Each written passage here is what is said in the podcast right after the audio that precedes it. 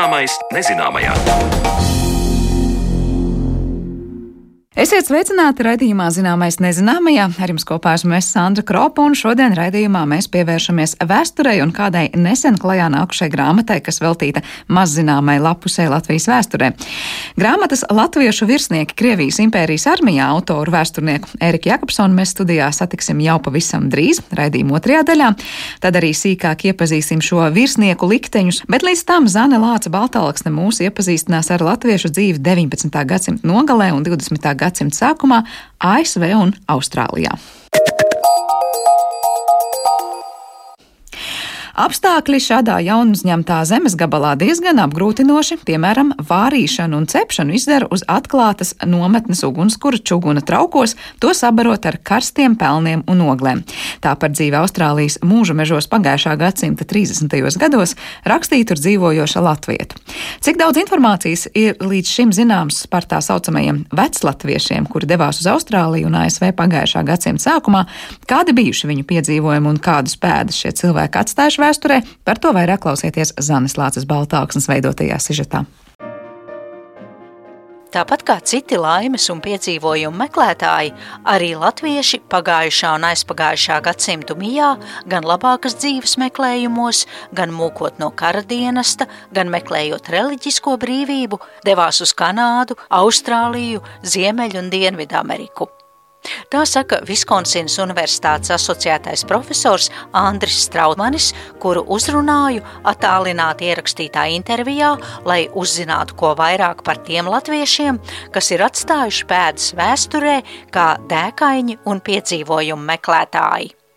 Plašāk zināmie ir Stāmerienā dzimušais Edvards Lietskalniņš, kurš uzbūvēja korāļu pili, Dundatsnieks krokodīlu harijs, jeb Arvīts Blumentāls, Austrālijas krokodīlu mednieks, un Rīgā dzimušais Aleksandrs Laime, pirmais cilvēks pasaulē, kurš kājām sasniedza pasaulē augstāko ūdenskritumu Venecuēlā.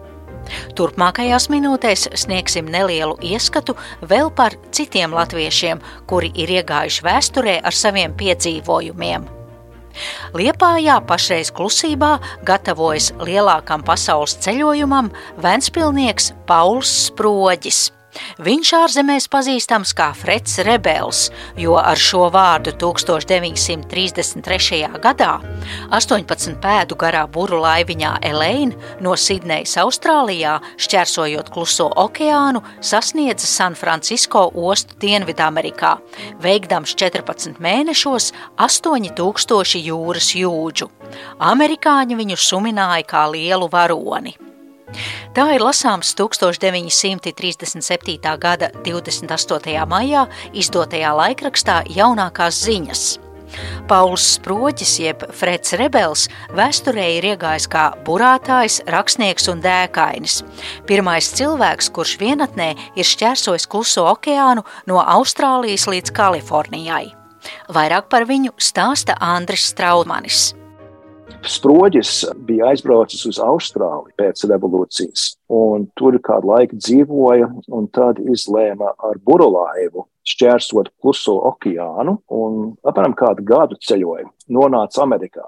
It kā bija doma viņam palikt Amerikā, bet viņš nevarēja, jo viņam nebija tiesības tur dzīvot.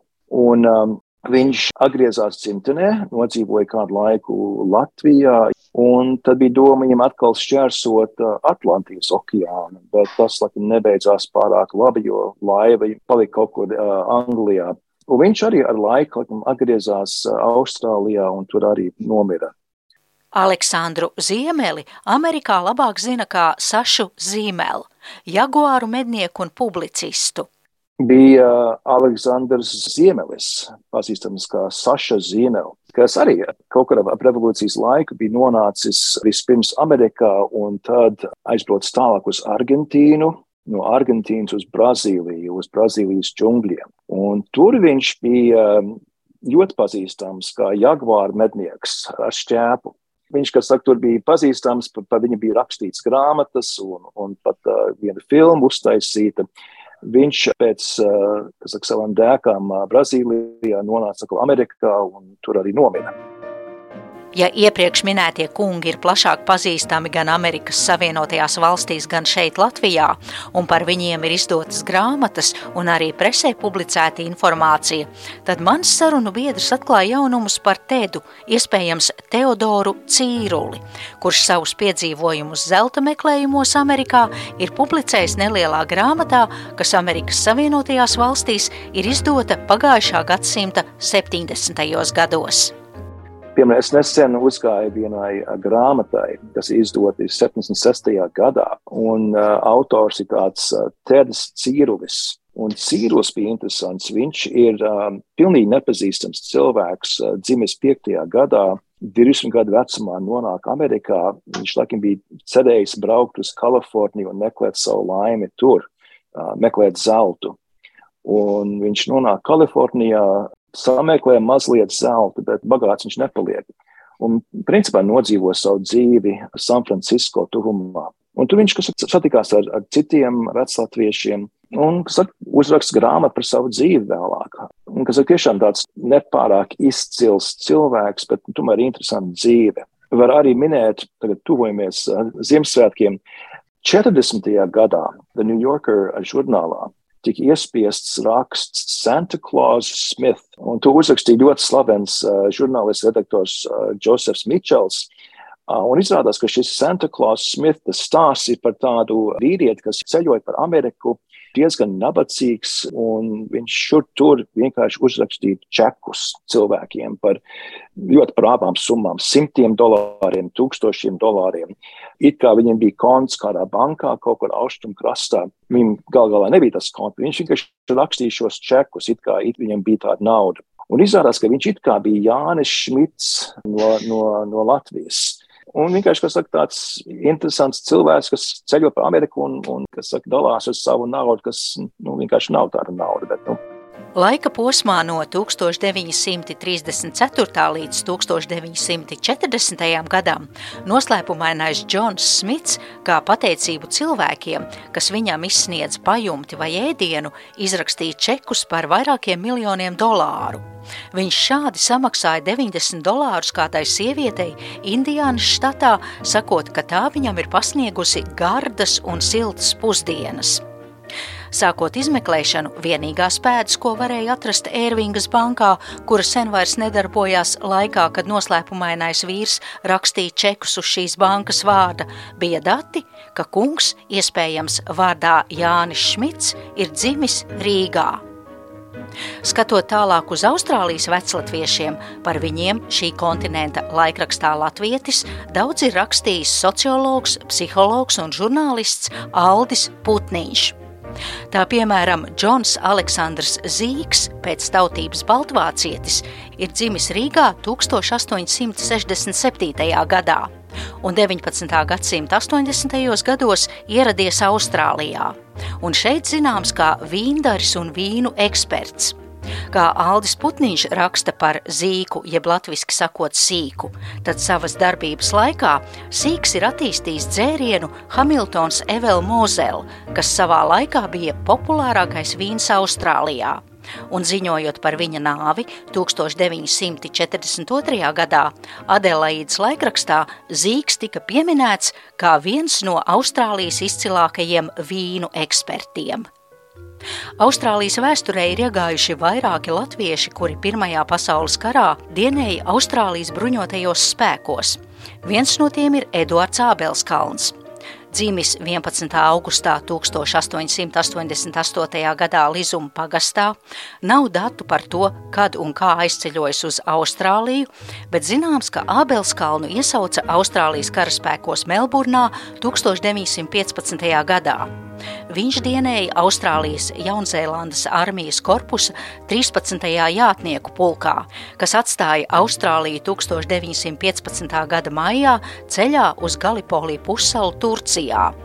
Pēc cīņām Turcijā Ābelskalns īsu laiku pavadīja Ēģiptē, kur tika iedalīts militārajā policijā un nosūtīts uz Rietumu fronti Francijā, kur viņu iecēla par kaprāli un seržanta aizvietotāju. Ābelskalnam piešķīra militāro medaļu par varonību, mētiecīgi veicot nepieciešamo darbu, lai nodrošinātu militāro transportu laikā, kad notika pretinieka ilgstoša smagās artilērijas apšaude. Tā par varonīgo karotāju raksta Aldis Putniņš. Šādu sarakstu ar latviešiem, kas atstājuši pēdas gan Latvijas, gan citu kontinentu vēsturē, varētu turpināt vēl un vēl, bet laika ierobežojums man liek likt punktu. Un tāpēc nobeigumā atbildi uz jautājumu, kāpēc latvieši ir metušies šādos piedzīvojumos, sniedz Viskonsins Universitātes asociētais profesors Andris Straudmanis. Man arī, gatavojoties uz interviju, likās interesanti padomāt par jautājumu, kāpēc vispār šie cilvēki, šie dēkaini, izlēma darīt, ko viņi darīja. Nu, kāpēc soļot ap pasauli, kāpēc braukt pa jūru, kāpēc braukt uz džungļiem un medīt jaguārus. Un gan jau tāpat kā ar tiem imigrantiem bija vairāki iemesli. Sproģis, tas nu, Fred Rebels, kas krustoja Kluso okeānu, bija ar viņu interviju 36. gadā laikrakstā Rīts kur jums šis jautājums tika uzdots, kāpēc jūs, jūs braucat pa jūru. Un viņam atbild bija sekojošā. Lasīju žurnālos par kādu amerikāņu līdzīgu pasaules ceļojumu un domāju, ka ko var amerikānis, var arī latvietis. Tā bija viņa atbilde.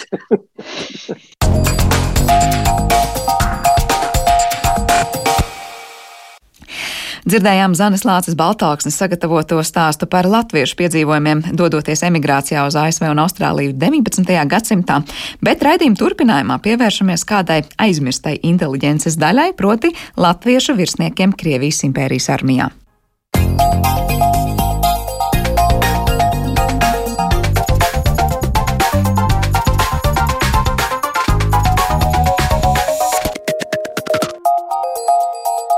Zināmais nezināmajā. Kad runājam par Latvijas vēsturi, tad ar sabiedrības inteliģenci nereti saprotam politiķus, zinātniekus, radošo profesiju pārstāvis un juristus. Latvijas valsts idejas nesēja vidū ir arī kāda ļoti maz zināma sabiedrības daļa, proti virsnieki. Mūsu šīs dienas viesis, Latvijas universitātes profesors un vēsturnieks Eriks Jēkabsons, ir pētījis tieši latviešu izcelsmes virsniekus Krievijas impērijas laika armijā, un par to ir arī nesen eh, klajā nākusi tāda ļoti apjomīga grāmata. Par to visu arī šodien mēs parunāsim. Labdien! Labdien. Es saprotu, ka tas ir jūsu tāds, nu, var teikt, mūža pētījums, jo jūs, Viens no, jā, viens viens no, no, viens jūs no. sākāt vākt materiālus uh, jau savos studiju Tieši laikos. Tā, pat agrāk vēl pat skolā jau man Jau interesē šis te jautājums. Un, nu, tā, tas nozīmē, ka tā nav pētniecība, bet materiāla ma- vākšana par, vi, par latviešu tautības virsniekiem visās armijās, kas man īpaši interesē. Latvijas armija, protams, Krievijas armija, Vācijas armija. Amerikāņu armija un tā tālāk, es to darīju no skolas gadiem. Jā. Bet jūsu mērķis bija saprast, cik daudz latviešu bija šajās armijās, vai Arī. kāpēc viņi tur bija un kā viņiem Man tur klājās. Tas bija ļoti interesanti, jo tas bija tā ne, ne, nerunātā vēsture, par kuru bija mazāk zināms. Tāda jautājuma Latvijas vēsturē ir milzums. Nav zināms ne tikai par virsniekiem, kā atsevišķu sabiedrības grupu, nav zināms arī par mērniekiem, par ārstiem. Nav, nu, par ārstiem labāk nedaudz, bet nu, mērnieki, piemēram, arī nav pētīti. Tie arī visā Krievijas impērijā darbojās no, no Vladivostokas līdz pat Eiropai. Un uh, virsnieki ir vienkārši labs puses, kas atklāja arī latviešu vēsturi 19. gadsimtā savdabīgi. Kādi bija tie galvenie jautājumi, un varbūt tie mainījās laika gaitā, jo tiešām ievērojams laika posms, kurā pētījāt un vācāt materiālus, uz kuriem jūs gribējāt atbildēt? Nu, tad kāda bija šo virsnieku loma? Pirmkārt, viņa skaits un nozīme mm, Krievijas impērijas kontekstā un, protams, Latvijas nācijas nozīmē, jo mm, mēs zinājām tikai par Andreju Pumpuru. Tā vispārīgi runājot. Andrejs Punkurs vienlaicīgi ir ļoti laba ilustrācija tam, cik jautājums ir aktuāls, jo viņš arī ir šīs grupas pārstāvs, bet nu, mēs viņu esam uztvēruši kā tādu vienu. Vienu unikālu pārstāvu mēs esam kaut ko dzirdējuši par citiem, lielākoties par tiem ģenerāļiem, kuri varbūt karoja Latvijas neatkarības karā vēlāk, Jānis Balods un citi, bet viņi bija daudz vairāk. Un, uh, tā bija vesela sabiedrības grupa, kura kuru radīja īpatnējā nācijas vēstures apstākļi, 19. gadsimta otrās puses situācija un uh, latviešu vēlme izglītoties, iegūt zinām vietu sabiedrībā, kura bija liekta varbūt no citiem kritērijiem raugoties. Un tāpēc likās ļoti interesants šis moments, latviešu trūkstošais nācijas izveids posms, jeb karavīrs, kas nav trūkstošs īstenībā, viņš ir klāt. Viņš ir vienkārši, viņ, mēs viņu esam aizmirsuši. Bet es pareizi saprotu, ka jūs domājat vairāk par tiem latviešu karavīriem, kas jau ir pēc neatkarības nu, valsts izveidas. Tātad kas patiesībā mums bija tāpēc, ka šie cilvēki bija pirms tam jau ar militāro Jā. karu pieredzi Krievijas Protams. impērijas armijā. Mums ir runa par kadra, tā saucamiem kadra virsniekiem, ja profesionāliem virsniekiem, kuri iziet apmācību speciālā karaskolā vairākus gadus un um, gatavojas kā profesija šim amatam. Nevis tie, kuri ir iesaukti kā rezervisti, kuri saņem mm, rezerves virsnieku pakāpi vai arī iegūst šo te pakāpi kara laikā, jau Pirmā pasaules kara laikā. Nē, šeit runa par profesionāliem virsniekiem, un tādu bija samērā daudz, un arī tas, ka viņu bija daudz, deva iespēju Latvijas neatkarības karā, Latvijas armijai būt nodrošinātāji ar vecākajiem virsniekiem, atšķirībā piemēram no Lietuvas armijas, kur dažādu apstākļu dēļ, pirmkārt, vājāk izglītības līmenis, nebija šo vecāko virsnieku tik daudz. Latviešiem viņi bija un uh, pietiekošā daudzumā. Un, jā, tas neapšaubām ir līdz ar to nozīmīgi arī no Latvijas neatkarības kara viedokļa, bet es gribētu uzsvērt, ka tas ir nozīmīgi pirmkārt no nācijas kopējās vēstures viedokļa, kuru mēs esam palaiduši garām. Moments, kuru mēs aspekts kuru mēs eh, nu, neskatāmies savā vēsturē pietiekoši. Vai var teikt, ka līdz ar to mums nav tādu izteiktu, varbūt nu, varoņu kultu attiecībā uz tā laika tieši virsniekiem vai nu, karavīriem? Proti, es padomāju par citām valstīm, vienalga, mm. vai tās būtu reāls personas vai literārie tēli, nu, mums liekas, ka ir caurvījusi to vēsturi kādu ļoti, ļoti nu, Militārais faktors ir uh, aktuāls visos, visu tautu nāciju varoņos sākot no Atēnām, no, no senās Grieķijas, Odisejas kaut vai ja, līdz pat Latvijas un visiem citiem. Vilhelms Tēls, šveiciešiem, viss ir, visur klāt militārais faktors. Tā ir cīņa par nācijas un kādu situācijas uzlabošanu. Un, protams, ka 19. gadsimtā uh, dzimstot uh, modernai latviešu nācijai, uh, iztrūka šis elements, tāpēc arī avīzēs laikrakstos mēģināja meklēt šo trūkstošo posmu, mēģinot piedāvāt varbūt latvisku, latvisku izcelsmi daudziem Vācu ģenerāļiem, tā skaitā. Bet, uh, nu, patiesībā, jā, uh, viņš neapšaubām ir klāts, tikai uh, viņš bija klātsošs arī līdz 19. gadsimta otrajai pusē. Šis moments daudz latviešu kļuva par virsniekiem, tikai līdz 19. gadsimta otrajai pusē nepastāvot priekšnoteikumiem, viņi ļoti ātri pārtautojās. Viņi aizgāja uz citām tautām. Uh, skrieviem, vāciešiem pirmkārt, jo uh, to noteica pati vide, neapšaubāmi. Bet uh, 19. gadsimta otrā pusē no Andrēs Punkūras ir ilustrācijas pilkta, kad radās šī apziņa par, nā, par nāciju, par piedarību konkrētai tautai. Mēs redzam, uh, šo te, nu jā, saglabāšanu, savas saknes, tauta un tā tālāk. Daudzi, protams, aiziet prom no šīs tautas, m, aprecoties varbūt ar citu tautību pārstāvjiem, jo to nosaka arī būtībā.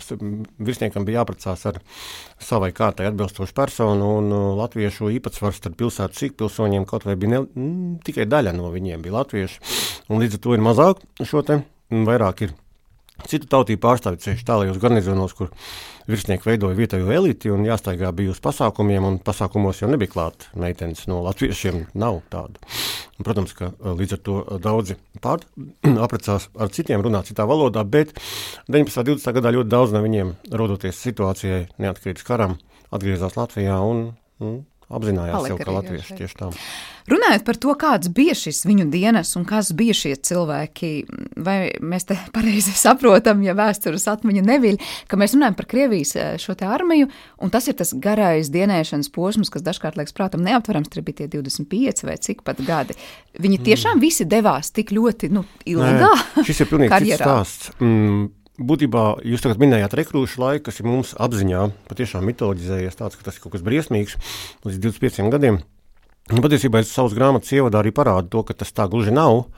25 gadi bija 18. gadsimta beigās un 19. gadsimta sākumā. Pēc tam šis laiks tika samazināts, rekrūšu laiks uh, beidzās un tika nomainīts ar obligāto karadienas Krievijā, modernizējot armiju nedaudz. Uh, 19. gadsimta 70. gados, tādā brīdī rekrūšu dienas laiks ir ļoti formāls. Desmit gadi man šķiet, turklāt pieci gadi ierindā, pieci ārpus ierindas, un turklāt pēc tam ar labu nodrošināt pensiju.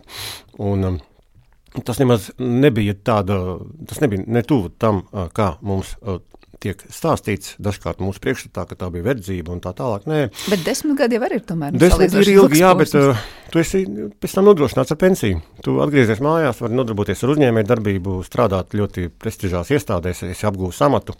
Sākot no kurpnieka līdz feldšerim, kas ir nu, laikā sabiedrības nodrošinājums. Daudzi no viņiem kļūst par virsniekiem. Nu, no šiem rekrūšiem daudzi kļūst par virsniekiem, tā skaitā arī nu, augstākais latviešu uh, latviešu virsnieks bija ģenerālleitnants Emanuels Kalniņš, mamma Latvijas, tēvs Latvijas un tēvs bija rekrūts.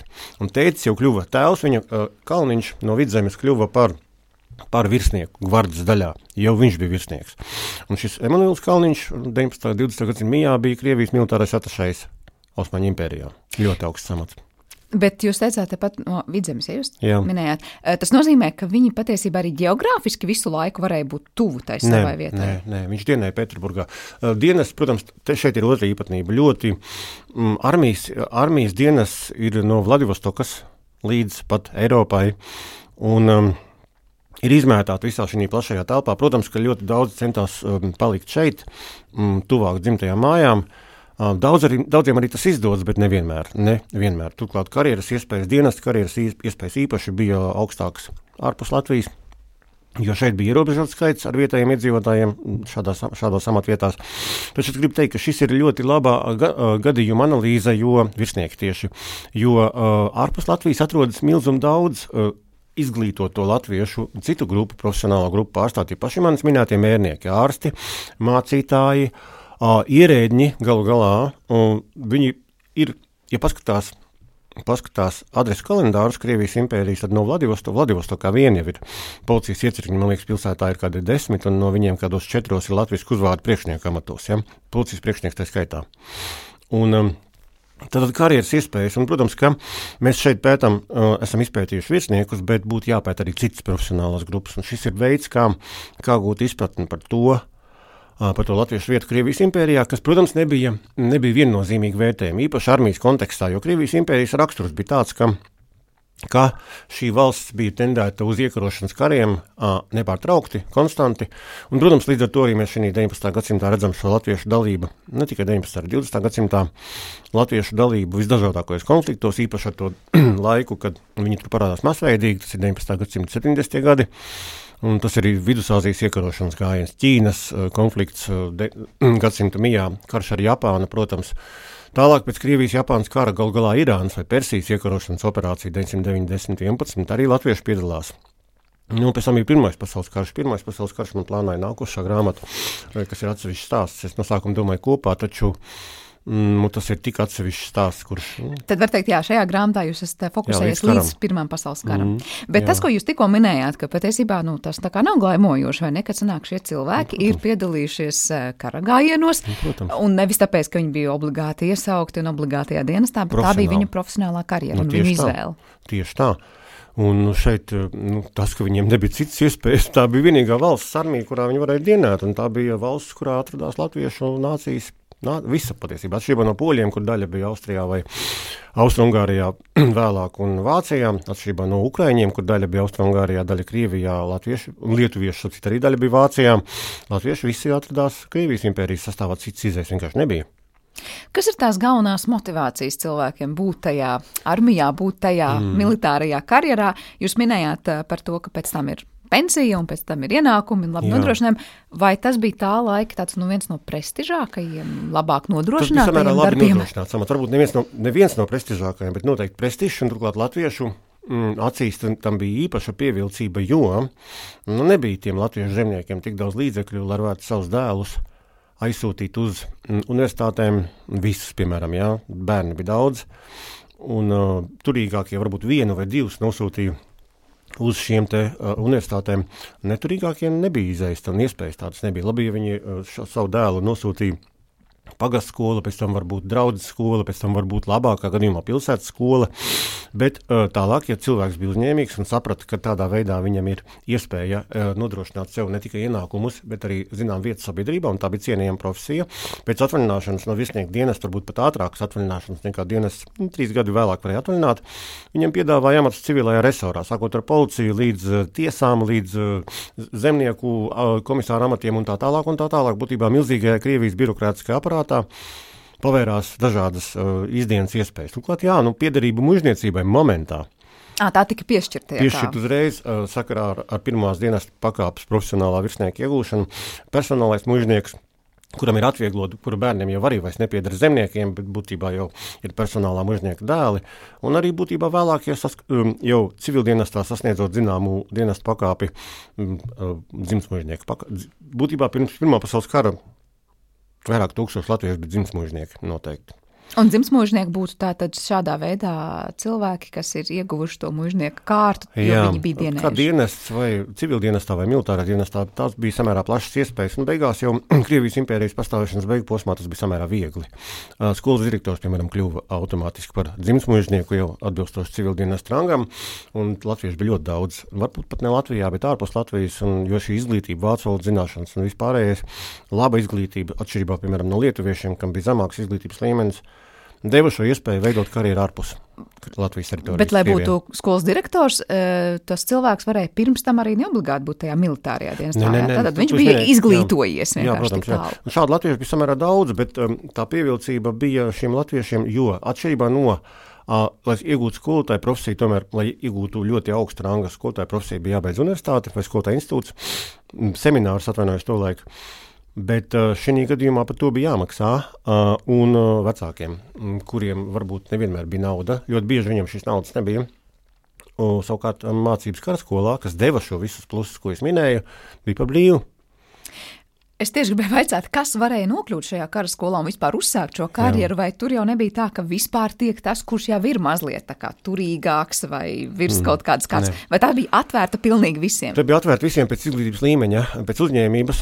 Ļoti daudz ir kalpu dēli, kalpu dēli. Ne visi, teiksim, turīgu saimnieku dēli, kā, kā mums tika iegalvots, mēģināts iegalvot padomju historiografijā vai vēstures literatūrā. Nē, protams, ka nē.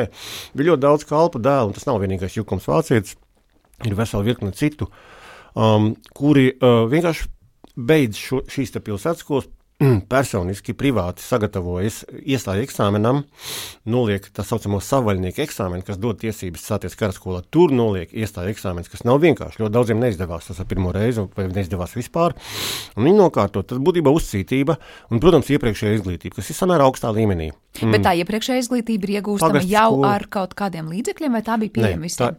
Šī pagasts skola bija bezmaksas, un arī draudzes skolā. Tur, protams, ka vecākiem vajadzēja rēķināties ar to, ka viņi atrauj no sava no savas saimniecības darba rokas, ja viņi sūta bērnu tālāk uz draugu skolām, pilsētas skolām un tā tālāk. Nu, bet, katrā nu, ziņā tā izdevuma bija vairāk tā kā ēdināšana, jā, uztur, uzturēšana. Bet, bet tālāk jau bija, vajadzēja gimnāzijām noteikti vajadzēja maksāt, jau, un tas bija jau latvietiem grūtāk. Savukārt karaskola bija, jā, pieejama un, nu, šķietam viegli. Jūs bet... teicāt, ka tur tomēr bija diezgan grūti tikt. Tad jautājums, vai tas bija tāpēc, ka bija ļoti liela konkurence, vai tāpēc, ka bija ļoti augstas prasības tieši zināšanās? Jā. Kas bija par iemeslu? Gan viens, gan otrs. Mm, bija samērā liels konkurss. Un, un bija arī Latvijam bija īpaši grūti, jo viņš nezināja tik labi krievu valodu. Viss bija krievu valodā, šeit bija jāapgūst pirmkārt arī krievu valodu. Un otrs bija, protams, arī šī, šis milzīgais konkurss. Mm, nevienmēr izdevās tikt arī latviešiem, ļoti daudziem neizdevās. Daudziem izdevās ar otro un pat trešo reizi tikt iekšā. Arī tā varēja vairāk kārt. Jā, varēja trīs reizes kārtot, un Oskars Kalpaks, piemēram, iestājās ar otru reizi tikai. Kas bija tas, ko prasīja no šiem cilvēkiem? Kādas zināšanas? Nu, pirmkārt, matemātikā, vēsturē, populārie temati arī mūsdienās. Matemātika, precīzā zinātnes un arī, arī vēsture geogrāfija. Un arī apmācība pastiprināta. Tur bija uz vietas valodas zināšanas, viņa apguva vācu eventuālo ienaidnieku valodu, franču. Tā tālāk. Tas patiesībā ļoti augsta līmeņa sagatavotība bija tā. Jā, neskatoties uz to, ka mums ir iegalvots padomu laikā un arī um, Latvijas republikas laikā, ka Krievijas armija bija absolūti analfabētisks virsnieku korpus, es tagad citēju, nu, pēc tā apmēram. Protams, ka nē. Protams, ka bija gudrāki un varbūt ne tik gudri cilvēki kā jebkurā profesijā, jebkurā valstī, taču kopumā uh, virsnieku korpus bija samērā labi sagatavots. Uh, 19. gadsimta beigās un 20. gadsimta sākumā pēc militārajām reformām. Un, uh, tas ir redzams arī latviešu piemērā. Mēs minam kaut kādus muļķīgus piemērus, bolševiki izgudrotus par ģenerāļiem, kuri nezina, kur ir kreisā labā puse. Protams, katrā armijā mēdz būt mīnusi, taču šajā gadījumā tomēr virsnieki bija sagatavoti samērā labi. Mēs to redzam kaut vai uz Latvijas armijas virsnieku piemēru, kuri parādīja sev spīdoši Pirmajā pasaules karā un arī uh, Latvijas neatkarības karā Pēters Radziņš, Mārtiņš Perniķis un citi, kuri arī bija šie profesionāli virsnieki, beiguši ģenerālštāba akadēmiju. Nu, būtībā augstākā, protams, pakāpe bija tiem, kuri bija beiguši ģenerālštāba akadēmiju. Šādi latviešu kopumā bija vairāk nekā 50. Un, uh, Viņu zināšanas akadēmijā nu, patiešām bija ļoti dziļas, atbilstošas un modernas tam laikam. Mm, Protams, attiecīgi atkal ar kaut kādiem mīnusiem, varbūt atšķirībām no Vācijas, Francijas uh, akadēmijiem, taču augsts, augsts līmenis, ko mēs ļoti labi redzējām Latvijas neatkarības karā. Cik ilgi viņi mācījās šajās skolās, akadēmijās? Nu, kāds ir tas posms? Pamat, pamat izglītību izdevās iegūt divos vai trīs gados, atkarībā no iepriekšējās izglītības. Savukārt, Zinātņu štāba akadēmija bija trīs gadi. Arī divi vai trīs gadi ir tie, kas beidz tie talantīgākie beidz trīsgadīgo programmu, un tā jau bija samērā augsta, augstāka izglītība. Un kas notiek tālāk? Tad sanāk apmēram piecus gadus nu, kopumā. Ja, tad cilvēks, ja tur abas šīs programmas apgūst, pavada tajā dienestā eh, tieši skolas jā, kā, jā. izglītības līmenī. Pēc tam viņiem ir obligāti cik Dienas. gadus jādienē. Nu, tur bija noteikumi, sāku, vismaz trīs vai četri vai pieci gadi kaut kā eh, pirms pirmā līmeņa karaskolas. Un parasti tie, kas beidz zinātnīs štāba akadēmijas, tie jau turpināja ilgāk dienas līdz pat uh, karjeras izaugsmēm. Bet, uh, Daži gadi, pēc kuriem varēja pār, pārvest cilvēku civil dienestā, piemēram, pašā policijā, viņš skaitījās joprojām militārā dienestā, viņam pensija krājās, bet viņš vienlaicīgi dienēja arī policijā vai civil dienestā. Bet, uh, ja pārved uz civilu dienestu, nu, arī šī bija uh, tā saucamā rangu tabula, kas bija kopīga gan militāram, gan civilam dienestam, un uh, tas arī veidoja šo iekrājumu nākotnes nodrošinājumam kā tādu. Tā kā būtībā Krievijas dienests, dienests sistēma bija samērā labi izstrādāta, un ļoti daudz latviešu, es gribētu uzsvērt, ne tikai virsnieki, bet ļoti daudz latviešu izmantoja šo iespēju. Nu, tas bija izglītība, dzīves vajadzība, izglītība un uh, vieta arī Krievijas impērijā dienestā, kas deva šo vietu sabiedrībā.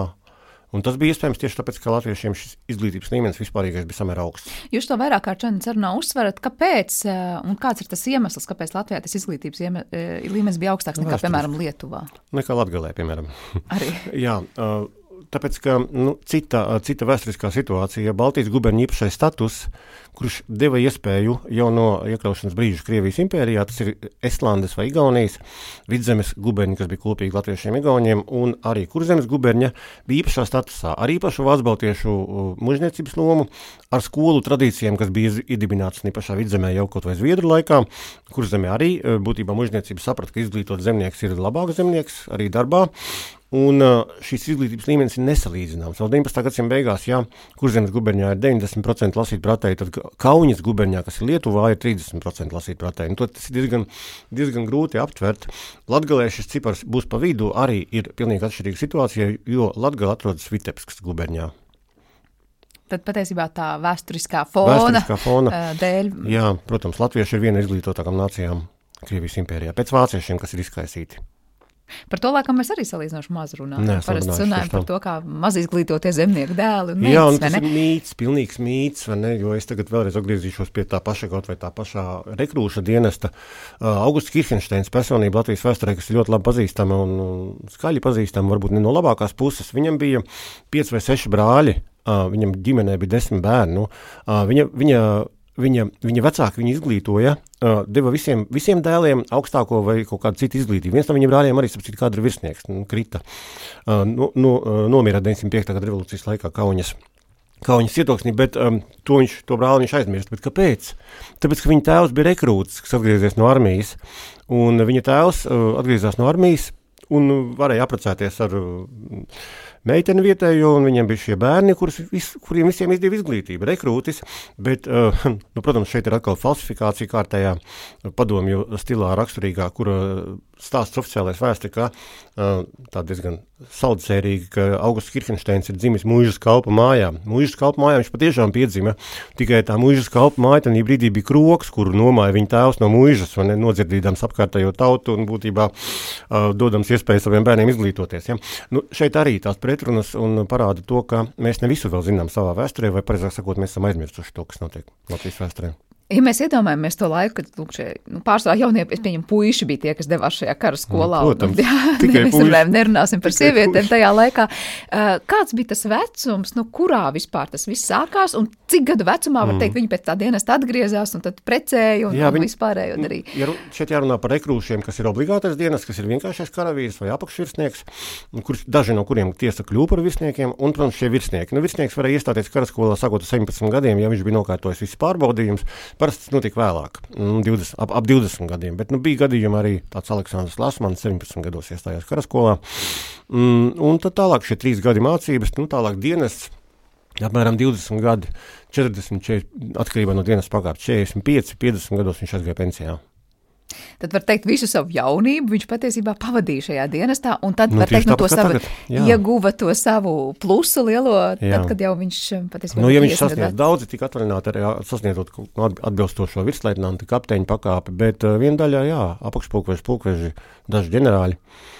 Un, protams, lai sasniegtu ģenerāli vai pulkveža pakāpi, bija nepieciešams ilgāks laiks. Tur pa, uh, paliek dienestā tie, kas ir talantīgāki vai labāk, uh, labāk dienu. Varbūt tos, ka- kam klibo veselība un tā tālāk. Ļoti daudz neg negācijas ir tādas, ka, piemēram, ļoti daudz arī nodzērās vienkārši at- atsevišķos garnizonos, kur nav ko citu darīt. Viņi vienkārši kļūst par alkoholiķiem.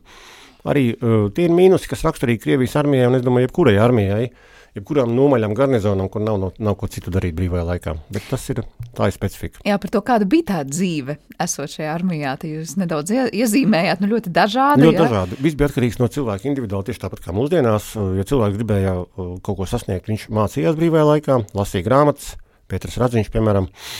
Un viņš vienkārši gribēja izklaidēties, un viņš aizgāja rutīnā un darīja to, ko, paši, to, ko arī pārējie. Par Krievijas armijas uh, virsnieku korpusu ir atstāta arī negatīvas ļoti liecības, ko ir atstājuši paši šie bijušie virsnieki, tas pats Deņķīns kaut vai, kur parādās arī negācijas, ka cilvēki nu, brīvos brīžos varbūt nodarbojās ar alkoholu un tā tālāk.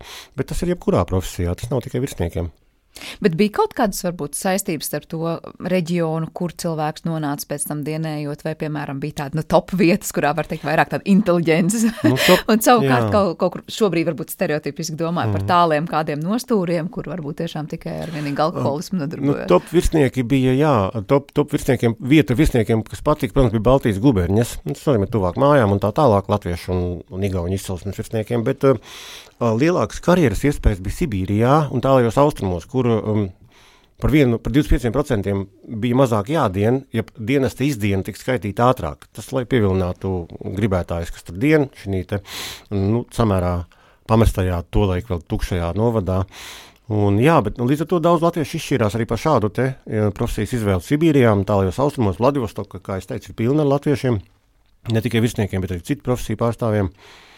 Un, jā, protams, tas, tas ir karjeras iespējas. Ļoti dien visur, Vidusāzijā, Aizkaukāzā, Maskavā, Pēterburgā, protams, visās lielajās pilsētās, Ukrainā ļoti daudz ir Igaunijā, Lietuvā, īpaši daudz, tas ir netālu samērā, Pleskava un tā tālāk. Cik daudz ir zināms, tagad skatoties cauri tos materiālus, ko jūs saprotat, esat vācis nu, ļoti daudz un dažādās vietās un arhīvos par šo cilvēku likteņiem tālāk? Nu, Ļoti dažādi. Apmēram 200 no viņiem atgriežas mājās, 200 nepilni 200 nu, vēlāk dienas Latvijas armijā. Um, daži nedēļas, nu, 250 varēja atgriezties, bet nu, kopumā man ir dati par vairāk nekā 700 cilvēkiem. Es rēķinu, ka es esmu atradis datus par 700, bet ir ļoti daudz grūti atrodamu un nosakāmu un piederību latviešiem. Jau cilvēkam uzvārds, ir Šmits, mm. un viņš ir dzimis ārpus Latvijas, tad patiesībā nevar noteikt, ka viņš ir latvietis jo Krievijas dokumenti to nefiksē tautību. Un es rēķinu, ap, ap tūkstošu šādu grupu varēja būt ap tūkstošu, bet, nu jā, grāmatā mēs izdarām, mēs analizējam tieši šo te 700 cilvēku grupu, par kuriem dati ir savākti. Kur jau ir skaidrs, zināms, jā, ka tie ir Latvijas. absolūti droši, jā. Bet pieļaujot tomēr, ka bija viena daļa, ko atvaļināja samērā ātri, uh, Krievijas arhīvu dokumenti nav pilnīgi, šī dokumentu kolekcija ir daļēji tikai pieejama, uh, vispār pieejama daļa li- dokumentācija metodi ir gājuši bojā. Un līdz ar to mēs nevaram pārbaudīt visus vecākumu sarakstus, mēs nezinām pilnīgi visus latviešus noteikti, bet uh, man ir kaut kādi desmit tūkstoši uzvārdu atsevišķā failā, kuri varētu būt latviešu, šmitu un tā tālāk. Tā kā vēl daudz ko baudīt Jā, un ko protams, tālāk pētīt, es pieņemu, ka pētniecība nebeidzās ar to, ka Nu, tā grāmatu ir jā. Bet eh, no tiem, kas atgriezās, jūs teicāt, tad tie, kas atgriezās, uzreiz mēs varam teikt, ir tie, kas pēc tam nonāca Latvijas armijā, Jā. vai atgriezās un ne obligāti bija saistīti. bija kaut kādi 50, kas varēja būt civil, vienkārši civilā dzīvē. Nu, 30, 40 cilvēki, es domāju, tā apmēram. Bet viņi atgriezās tāpēc, ka viņiem beidzās šis dienests, vai viņi ātrāk? Nē, viņi atgriezās starpkara periodā, kad mainās pilnīgi situācija. Latvija izveidojās, ka Krievijas impērijas vairs nav. Un, jā, jautājums, cik no viņiem atgriezās pēc dienesta Latvijā pirms Pirmā pasaules kara, to ir grūti pateikt. Viena daļa, jā, bet viena daļa noteikti arī nē. Kār- Kārlis Aizups, kas bija viens no jaunatiešu kustības dalībniekiem, neapšaubām, kuru tiesāja šeit Rīgā 80. gadu sākumā kā virsnieku, apsūdzot viņu mēģinājumos graut Vācu Baltiešu autoritāti, pēc tam kļūst par policijas virsnieku Petru, Pēterburgā. Un um, policijas, tieši tā dienēs policijā viņa dēli, kā aizups, aizovs jau arī dienēs ar armijā. Bet uh, šis liktenis, jā, ir ļoti labi parāda to, kā ja cilvēku aizsūta pēc šī tiesas procesa prom no Latvijas, tad viņš ļoti ātri pazūd šī milzīgajā masā, kas ir ārpus Latvijas un neatgriežas nekad. Kādi bija jūsu tie varbūt lielākie pārsteigumi vai galvenie secinājumi, ko jūs pētot tik apjomīgu mm. darbu esat izdarījis un kas jums ir tāds? Nu... To, ka ļoti daudz latviešu sasniedz ārkārtīgi augstus posteņus Krievijas armijā. Jau pirms Pirmā pasaules kara bija vismaz pieci latviešu, latviešu izcelsmes ģenerāļi. Un uh, Pirmā pasaules kara laikā, starp citu, šis skaits pulkveža, apakšpulkveža ģenerāļi sasniegs apmēram pārsniegs 200 cilvēkus. Atgādināšu, Latvijas strelnieku vienībās būs tikai astoņas pulkvežu štatu vietas. Pulkvežu štatu vietas astoņas, uh, pulkvežu un augstāku vairāk kā 200 latviešu Krievijas armijā. Tāpēc visiem fiziski nevarēja atrasties vietas Lat Latvijas strelnieku vienībās, bet tas arī liecina, cik, cik augsts šis līmenis ir. Ļoti daudz uh, augstāko karaskolu beidzēju, Indentatūras akadēmija, ģenerālštāba akadēmija, Vis, visas akadēmijas, visās akadēmijās bija uh, augstākajās tieslietu akadēmija, ieskaitot bija latvieši. Tad var teikt, uh, nu, jūs tādus daudzus mītus izkliedējat par to, ka gan daudz izglītotāki nekā ierast domāt bija šie cilvēki, gan arī daudz sagatavotāki. Jā. Galvenais mīts ir tāds, ka, ka mums nav bijis uh, karavīru vispār, jo, nu, grūta dzīve bija. Es tā vienkārši šobrīd, ja. Uh, slikta dzīve, nē, tas tāds nav. Un bija uh, arī šis trūkstošais posms noteikti, nu, kurš ļauj mums izprast arī kopumā mūsu vēsturi, es domāju. Tāpēc tas ir būtiski. Arī šis te, nu, it kā aiziet prom, lai virsnieks nerunāsim, Krievijas armija nav populāra. Nebija citas armijas tajā brīdī. Un uh, dienas Krievijas armijā nav pats par sevi uzskatāms par negodu, jo tad nebija cits izējas. Tas bija obligāti jādara. Un savukārt tie, kas tālāk veidoja šo karjeru, jā, mēs varam diskutēt par tām nu, motivācijām, vai nauda bija svarīgāka par visu, lai dotos varbūt uz vietām karot, kur citādi jā, negribētos, bet tas ir rādītājs, ka cilvēks jā, jā, ir pietiekoši izglītots un pietiekoši mm. karjerā tālu taltīts. Vai jūs saredzat, kā skatoties to, kas ir gan šajās grāmatas lapusēs, gan arī varbūt vairāk aktualizējot šo tēmu, nu, es nezinu, vai ir īstais vārds, mēs tā kā reanimēsim mūsu, es nezinu, tautas kaut kādā apziņā to, ka mums ir kaut kādi jauni varoņi, kas varbūt tiks varoņi vai... atdzīvināti jā, vai aktualizēti. Dalībnieki, mūsu vēstures dalībnieki, kas bija aizmirsti, un es domāju, ka mūsu Latvijas vēsturē ļoti daudz tādu momentu, kas mums vēl ir jāpēta. Šis ir viens no viņiem neapšaubām, bet tādi ir vairāk, un patiesībā Latvijas vēsturē ļoti maz kas ir izpētīts līdz galam, joprojām. Un šis ir viens no momentiem. Kas ir tas, ko jūs vēl tālāk pētīsiet? Jūs teicāt, Pirmais pasaules Pirmais karš ir nākamā pasaules, grāmata, vai jūs sadalāt šo laika posmu vienkārši mm. kaut kā sīkāk, vai Nē, vairāk pievērsties tiem failiem ar tiem vārdiem mm. un uzvārdiem? Nē, nu es, es domāju, ka Pirmais pasaules karš ir stāsts, kas izmainīja cilvēces vēsturi kopumā, no politiskās kārtas līdz ēdienkartei, sievietes loma sabiedrībā, un tas ir moments arī latviešu dalība Pirmajā pasaules karā ir arī stāsts, kuru vēl ir jāpēta. Tāpēc. Tā kā novēlu jums veiksmi turpmākajos Paldies. pētījumos, jo šis tiešām ir ļoti apjomīgs un jebkuram, mm. kuram interesē šī mūsu jau te ieskicētie jautājumi, ir lieliski iespēja par tiem arī mm. lasīt daudz sīkāk un smalkāk. Paldies par šo sarunu. Es atgādināšu, ka Latvijas Universitātes profesors vēsturnieks Eriks Jakobsons mums šodien bija kopā šajā raidījuma pusstundā. Šo raidījumu producēja Paula Gulbinska, par mūziku gādāja Girds Bišs, skaņa režijā bija Elizabete Šveicāna un ar jums kopā studijā es Sandra Kropa. Mm. Vēlot mums visiem veiksmīgu dienu, uz tikšanos!